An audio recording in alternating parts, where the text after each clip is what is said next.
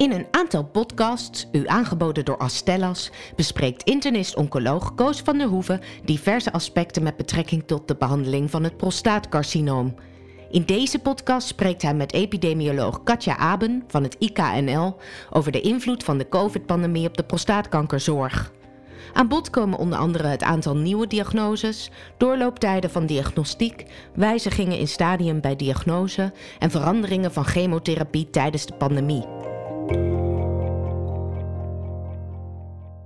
Prostaatkanker, een heel veel voorkomende ziekte. We hebben een uh, intensief jaar achter de rug met uh, COVID. En uh, ongetwijfeld heeft COVID ook invloed gehad op de diagnostiek en misschien ook wel de behandeling van patiënt, patiënten met prostaatkanker. ik ga hierover praten met dokter Katja Aben. Zij is epidemioloog bij het IKNL.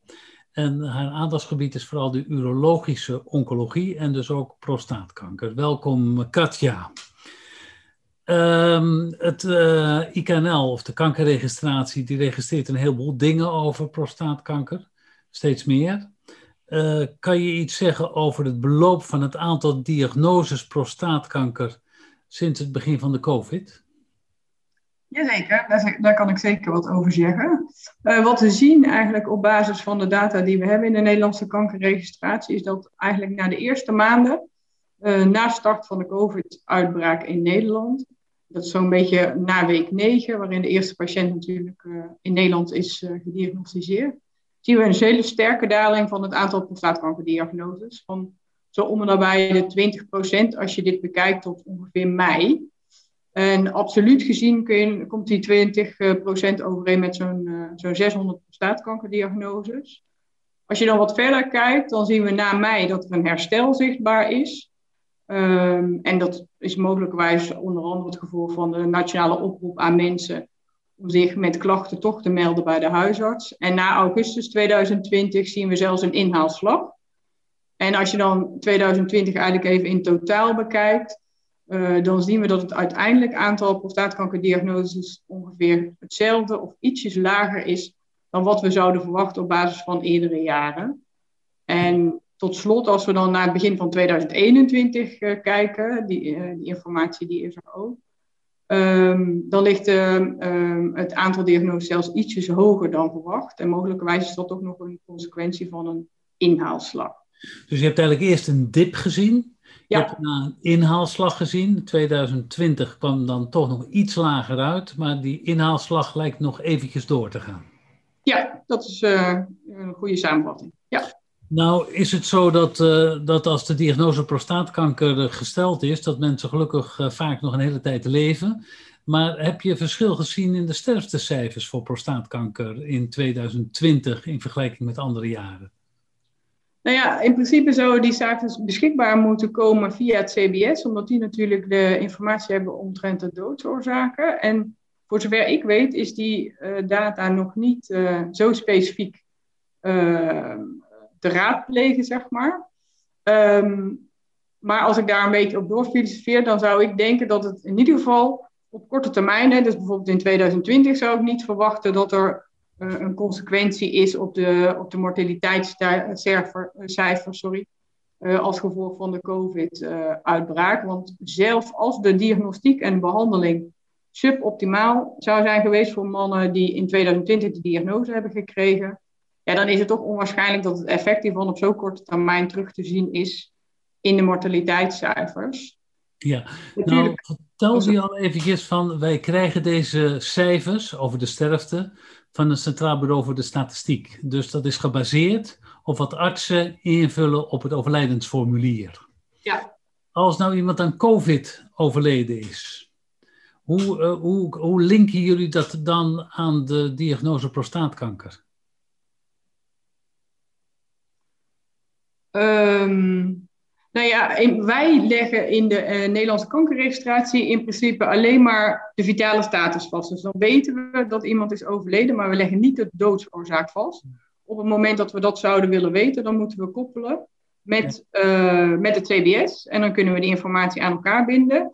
En wat we dan wel doen, is um, um, buiten de primaire doodsoorzaak heb je natuurlijk de onderliggende doodsoorzaak die ook wordt vastgelegd bij het CBS. Ja, en als daar dan prostaatkanker bij staat, ja, dan weten we dat iemand is overleden aan prostaatkanker. Maar het is wel zo, op het moment dat je puur naar mortaliteitscijfers kijkt, en uh, er is eigenlijk alleen, er is geen sprake uh, van, uh, of er is niks gezegd over prostaatkanker als doodsoorzaak en alleen maar COVID.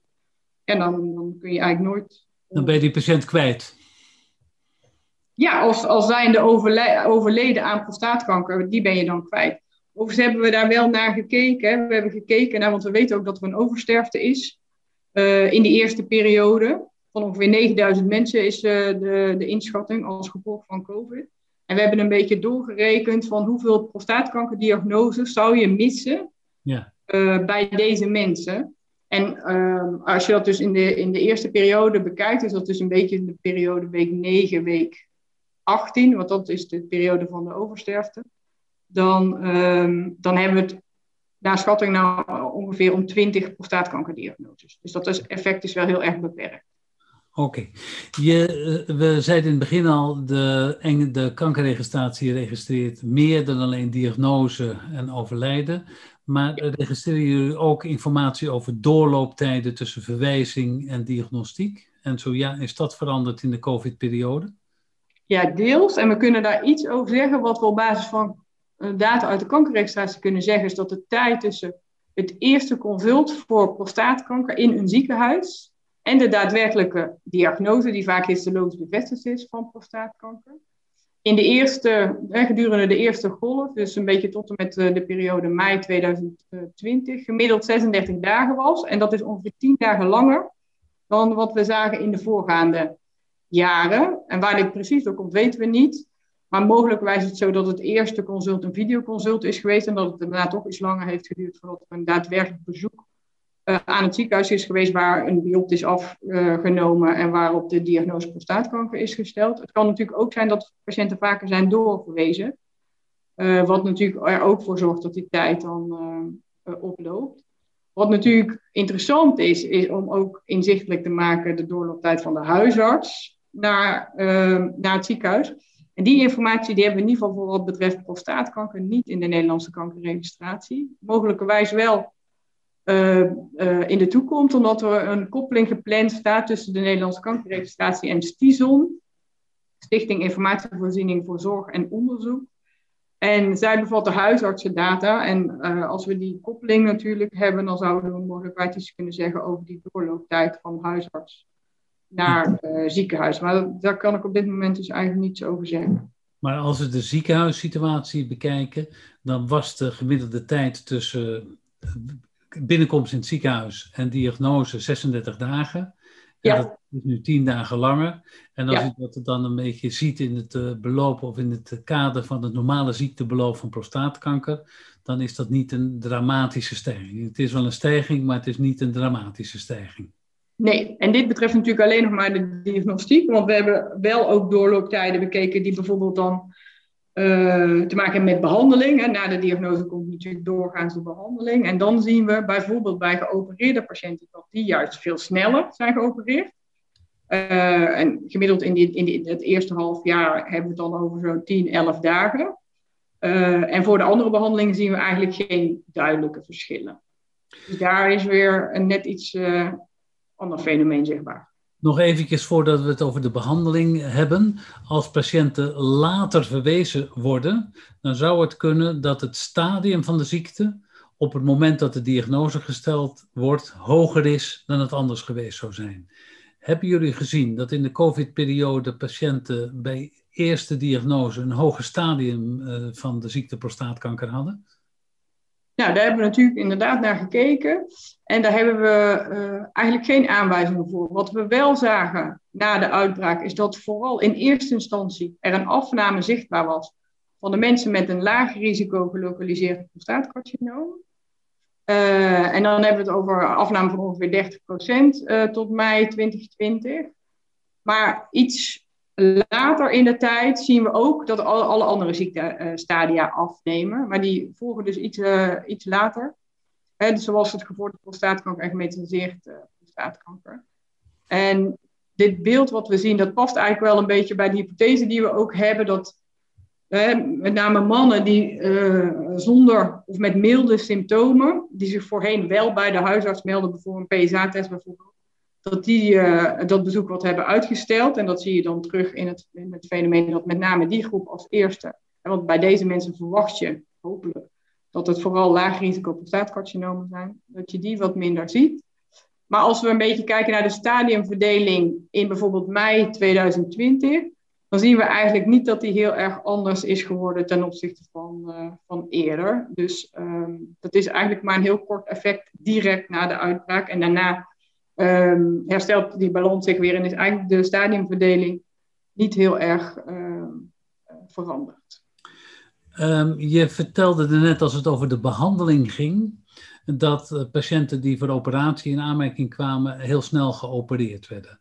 Ja. Van de, de eerste behandeling voor prostaatkanker, daar registreert de kankerregistratie volgens mij of ze hormonale therapie kregen, of ze radiotherapie kregen, of ze brachytherapie kregen, of dat ze operatie kregen. En daar is een bepaalde verdeling in, normaal gesproken. Is dat nu nog veranderd? Dus, dus hebben er meer mensen eerst een hormonale therapie gekregen om zeg maar een beetje tijd te kopen uh, tot een, een, lokale behandeling? Of, of zijn er geen verschillen zichtbaar? Ja, er zijn wel verschillen zichtbaar in, uh, in behandeling. En het klopt inderdaad dat wij in principe alle behandelingen die behoren bij het initiële behandelplan, die registreren we. en daarbij, dat is misschien wel goed om, om te vermelden, is dat we ook van alle operaties, daar, die registreren we eigenlijk altijd, ongeacht waar zij in het ziekteverloop plaatsvinden. Dus dat is wel belangrijk als je ook iets wil zeggen over behandelvolumes of iets dergelijks. Nou ja, de genoemde therapieën zoals je net noemde, die registreren we inderdaad. Daar hebben we naar gekeken, uh, niet voor de prostaatkankergroep als totaal, maar we hebben een beetje gekeken naar de verschillende ziektestadia. En wat dan vooral opvalt bij de laag risico gelokaliseerde prostaatkanker en gematigd uh, risico prostaatkanker. Daar zie je dat, we, dat er minder mensen een active surveillance beleid krijgen. Dat is een, zo'n 4, 5 procent van de mensen uh, minder. En daarentegen worden meer van deze mensen geopereerd. En dit aandeel is bij de, bij de laagrisicopatiënten is zo 6 tot 8 procent meer. En bij de matig risicopatiënten is dat zelfs 10 tot 20 procent meer werd geopereerd. En bij de andere behandelingen in deze patiëntgroep zien we dat eigenlijk niet. We hebben daarover nagedacht van, wat zou daar nou de verklaring voor kunnen zijn? En wij denken dat dat ligt aan het feit dat met name direct na die eerste uitbraak um, er toch een net iets andere patiëntenpopulatie is geselecteerd. En wat ik net al aangaf, uh, het aandeel van de laagrisicopatiënten, dat nam vooral af. En uh, dit zijn dus mensen die ondanks de angst die mensen mogelijkwijs hadden om naar de huisarts te gaan, toch zijn gehad. Die hebben zich zorgen gemaakt, hebben zich toch gemeld bij de huisarts. En dat zijn mogelijkwijs misschien ook patiënten die toch een wat sterkere voorkeur hebben voor behandeling.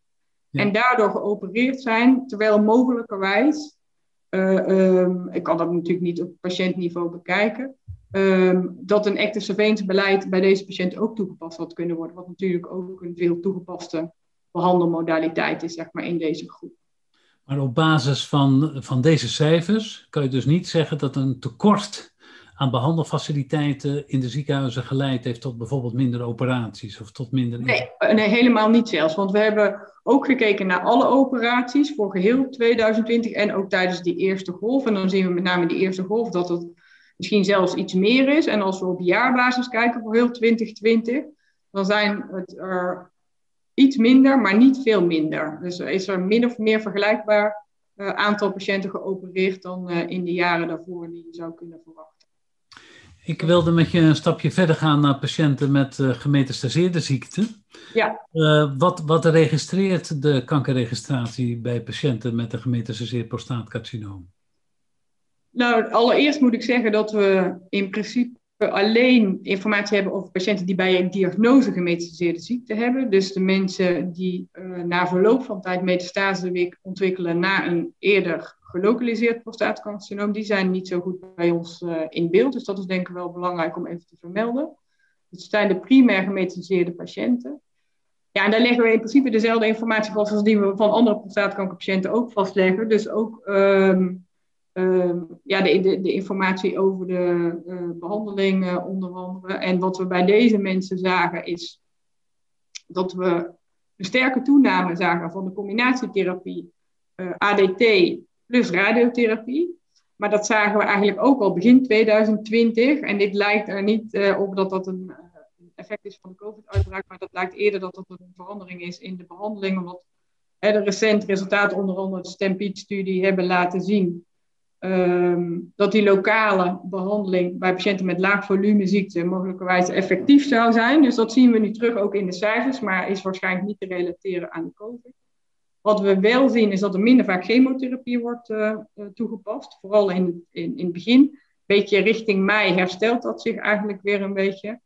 En daarentegen werd er wat vaker uh, de uh, abiraterone en enzalutamide toegepast. Dus dat is eigenlijk volgens mij ook een beetje conform de aangepaste aanbevelingen die op een gegeven moment zijn uitgegaan van oh, mogelijkerwijs moeten we de chemotherapie wat uitstellen. Dus dat is wat het was een, met name natuurlijk in de eerste periode van maart tot en met mei.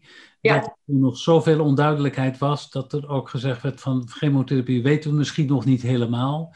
En eigenlijk is het statement dat je chemotherapie gewoon kan geven, pas in mei 2020 echt aangegeven. En dan zie je dat het dan met een inhaaleffect is. Ja, want dan zien we dat dus gewoon weer herstellen en dan wordt die verdeling weer een beetje zoals, uh, zoals we normaal gesproken ook zien. En helaas hebben we op dit moment, wat betreft de behandelgegevens, hebben we informatie tot ja, de eerste helft van 2020. En informatie voor de tweede helft van 2020, die moeten we nog uh, gaan analyseren. Ja, nou uh, is de kankerregistratie, die is uh, natuurlijk vooral ingericht om veel informatie over kanker te ver verzamelen.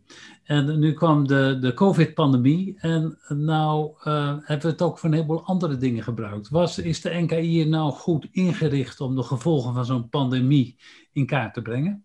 Dat is een beetje een gewetensvraag. Ja, nou ja, ik denk enerzijds denk ik dat de NKR zeker goed is ingericht om heel nauwlettend met name de effecten op die uh, nieuwe diagnoses in kaart te brengen. Dat, dat kunnen we ook snel en uh, dat proberen we ook snel terug te koppelen. We hebben de COVID-monitor op de website. Er wordt eens per maand wordt de informatie ook gedeeld met, uh, met de NZA. Dus ik denk dat dat, dat, dat dat heel goed gaat. Wat betreft de behandelingen, nou ja, als je het hebt over de behandeling in de primaire setting, dus bij nieuw gediagnosticeerde patiënten, denk ik ook dat we die heel erg goed inzichtelijk kunnen maken. Um, als we het hebben over de behandeling van prevalente patiënten, hè, patiënten die natuurlijk al in het ziektetraject zitten, daar is dat wat lastiger voor, maar het is niet per se de verwachting dat de patronen die we zien bij, in de primaire setting heel wezenlijk verschillend zullen zijn um, met, uh, met de met de effecten die je zou zien uh, later. Uh, behalve als natuurlijk die, die behandeling totaal verschillend is, ja, dan, dan, dan is dat een beetje buiten je, ja. ja, buiten je scope, dat zie je dan niet. Um, als het gaat over het effect monitoren op behandelvolumes, dan denk ik dat voor bijvoorbeeld de chirurgische volumes, in ieder geval wat betreft de urologische tumoren, we daar wel zeker iets over kunnen zeggen, omdat we die gewoon compleet ook vastleggen. Um, nou ja, en daarnaast werken we natuurlijk nauw samen ook bijvoorbeeld met DHD. Die informatie hebben we, uh, de data van de, de landelijke basisregistratie ziekenhuiszorg. Uh, die natuurlijk ook uh, alle verrichtingen informatie hebben. En, ja, dat is dan een hele belangrijke aanvullende tool om, ja, om ook zo de invloed van die pandemie te kunnen evalueren en daar uiteindelijk van te leren. Als u nou nog in één zin zou mogen samenvatten wat de invloed van COVID geweest is op de behandeling van prostaatkanker, wat zeg je dan? Dan denk ik al met al uh, is denk ik de, zijn de effecten eigenlijk zeer beperkt geweest. Er zijn, in het begin zijn er wat kleine veranderingen hebben er plaatsgevonden, maar dat is echt de eerste paar uh, maanden geweest en daarna is dat eigenlijk hersteld. Ehm, en denk ik dat wat dat betreft de invloed beperkt is geweest. Dus voor prostaatkankerpatiënten uh, is dit denk ik geruststellend. Je zei ja. al dat, uh, dat registratie of uitkomsten van de behandelingen uit de tweede helft van 2020, dat dat nog moet komen. Dus er komt uiteraard nog meer informatie. Maar ik denk dat we hier al een heel stuk mee opgeschoten zijn. Zijn er nog afsluitende opmerkingen die je zou willen maken? Het ene waar, waar ik in ieder geval zelf nog in geïnteresseerd ben, is ook om te kijken van, goh, we hebben natuurlijk die, die, dat aantal diagnoses in de loop van 2020 hebben we, uh, dat is hersteld, zeg maar. Maar die groep van die patiënten, die hebben we dus niet, nog niet geëvalueerd, niet alleen qua behandeling, maar ook niet qua stadiumverdeling. Dus daar ben ik nog wel geïnteresseerd uh, in, om te kijken van, goh, die mensen zijn later gediagnosticeerd dan uh, oorspronkelijk uh, mogelijkwijs het geval zou zijn. Ik verwacht dat de effecten meevallen, uh, maar ik zou dat toch nog graag wel een keer in cijfer en getal uitgedrukt willen zien. dus dat is nog wel iets wat we, dat we graag willen doen. En, ehm, ja, en verder hoop ik, hè, dit is de, de analyse die we nu doen, zijn onderdeel ook van een groter project gesubsidieerd door ZonMW waar meerdere aspecten van uh, de COVID-19-uitbraak op kankerzorg worden bekeken. Er wordt ook iets meer gekeken naar logistiek van zorg en kosten van zorg bijvoorbeeld.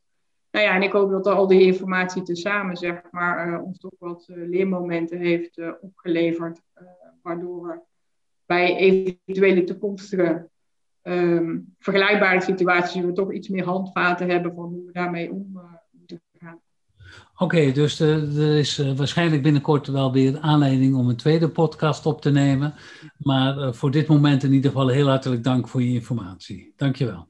Geen dank.